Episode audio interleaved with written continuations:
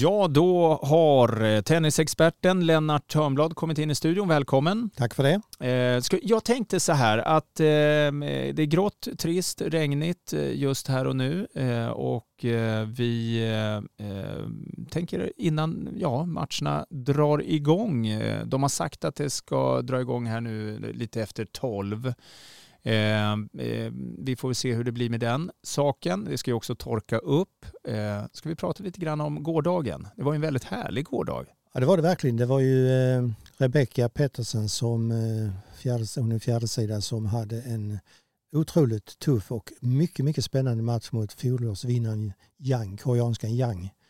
Eh, där Rebecca hamnade i underläge i första set, eh, låg under ett par game hela vägen. Det var till och med 5-2 till Yang ett tag.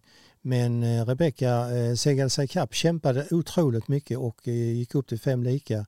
Hade sen två setbollar vid 6-5, missade dem och setet gick till tiebreak och där vann hon till sist ganska komfortabelt.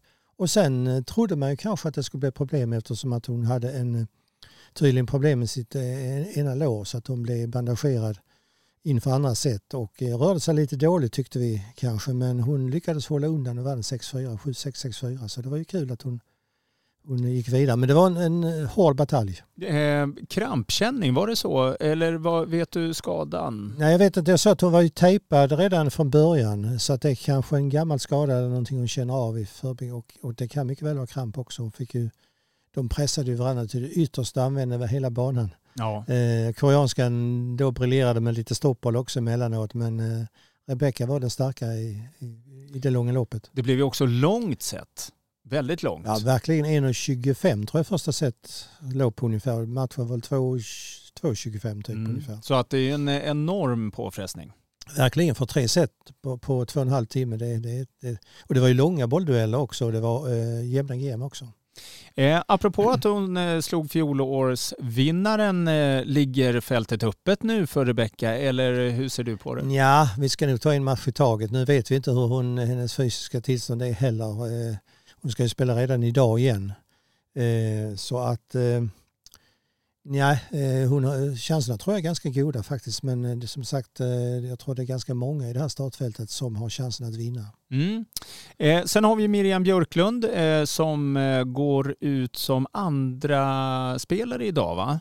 Ja. Andra match. Stämmer, andra match, ja. Stämmer. På centerkorten. Och hon hade ju en rätt komfortabel vinst där igår. Ja, hon kommer ju från en ITF-seger Eh, vilket är ju väldigt härligt för henne och där finns ju säkert självförtroende. Det lät på henne så att hon är väldigt lugn och trygg i sig själv och spelar väldigt bra just nu. Men idag får hon ju bekänna färg verkligen för det är första sidan hon möter. Ja just det, vem är Navarro, det? Emma Navarro, amerikanska. Okej, okay. har vi någonting på henne?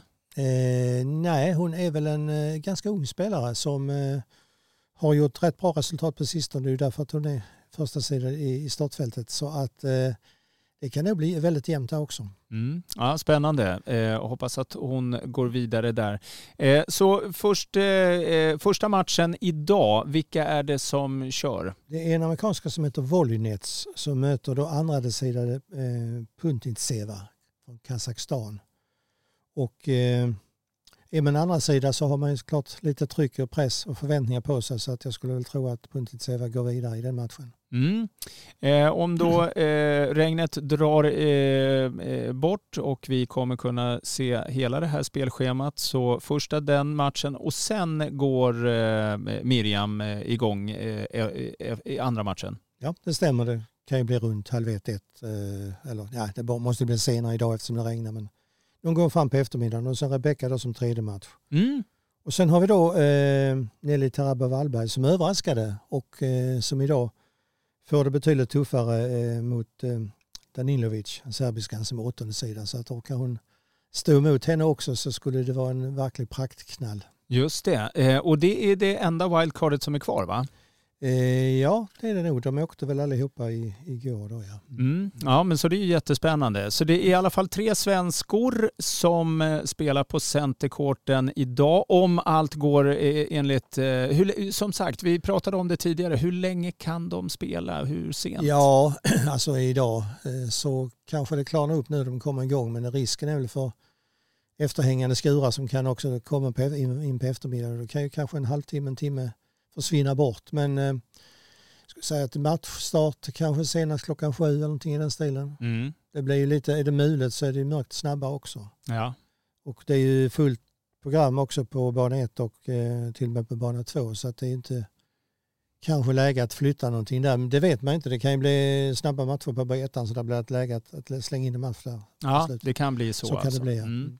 Ja, men jättebra. Vi kommer givetvis eh, hålla er uppdaterade. Eh, jag vet att Lennart, du kommer bege dig ner till eh, Centercourten om en liten stund här när matcherna drar igång. Jag tackar så hemskt mycket för att du kom förbi. Mm, tack.